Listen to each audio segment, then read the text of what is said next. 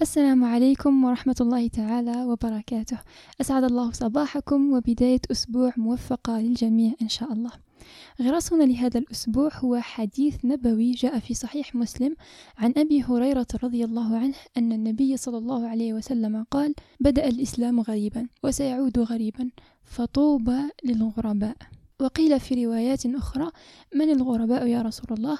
فقال صلى الله عليه وسلم الغرباء ناس صالحون في وسط ناس فاسدين أو هم أناس صالحون قليل في أناس سوء كثير.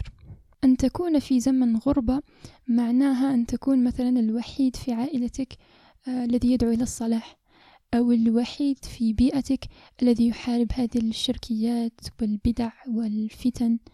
أن تكون مثلا الوحيد المحافظ على سلامة قلبه وطهارة قلبه ونيته الصادقة مع الله سبحانه عز وجل.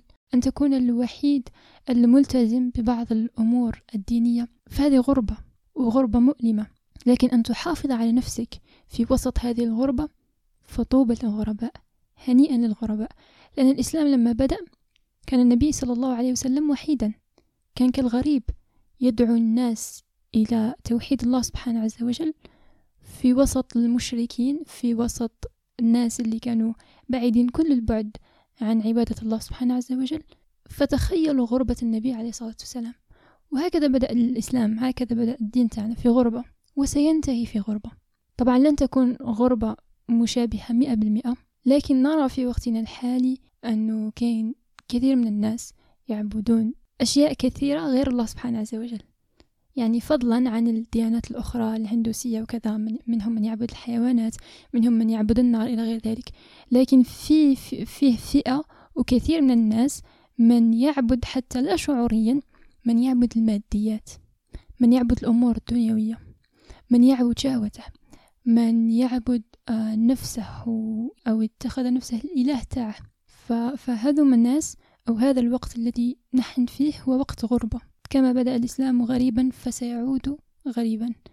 فطوبى للغرباء أن تكون غريبا كما كان النبي صلى الله عليه وسلم في وسط مجتمع مليء بالفتن أو وقت أو زمن مليء بالفتن.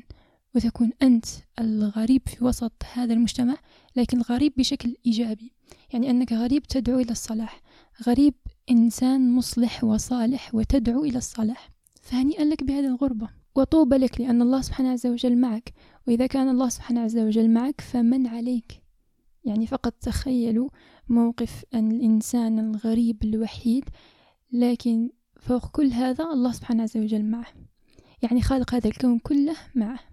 حتى وإن كان غريبا حتى وإن كان وحيدا لدرجة يعني لا تتصور.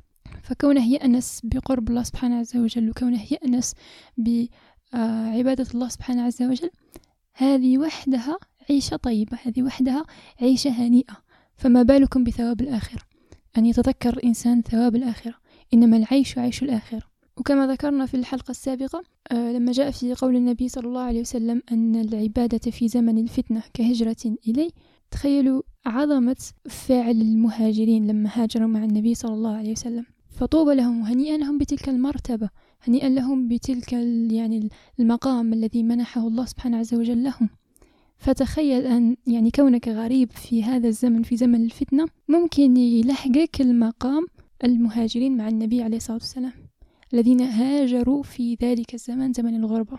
وكفأهم الله سبحانه عز وجل في الدنيا وفي الآخرة. نحن يهمنا ثواب الآخرة أكيد ما يهمناش ثواب الدنيا. ومن كان همه الآخرة فإن الله سبحانه عز وجل سيكفيه همه في الدنيا وفي الآخرة. أما من كان من كان همه الدنيا فقط فربما يكفى همه في الدنيا لكنها راح راح يكون يعني أمور دنيوية فقط ما, ما همهش الآخرة. فخلاص يعني المتعة تاعه والأمور الجميلة والسعادة هذيك راح تكون دنيوية فقط مؤقتة. هذا وإن كانت يعني. فطوبى للغرباء وطوبى لمن كان غريبا في زمننا هذا. وإن شاء الله أسأل الله سبحانه عز وجل أن يوفقنا وأن يجعلنا صح في تلك المرتبة مرتبة الغرباء في زمن الفتنة. أسأل الله سبحانه عز وجل أن يرزقنا صدق النية والصدق والإخلاص في القول والعمل. أستودعكم الله ونلتقي إن شاء الله تعالى في غراس الأسبوع القادم. في أمان الله.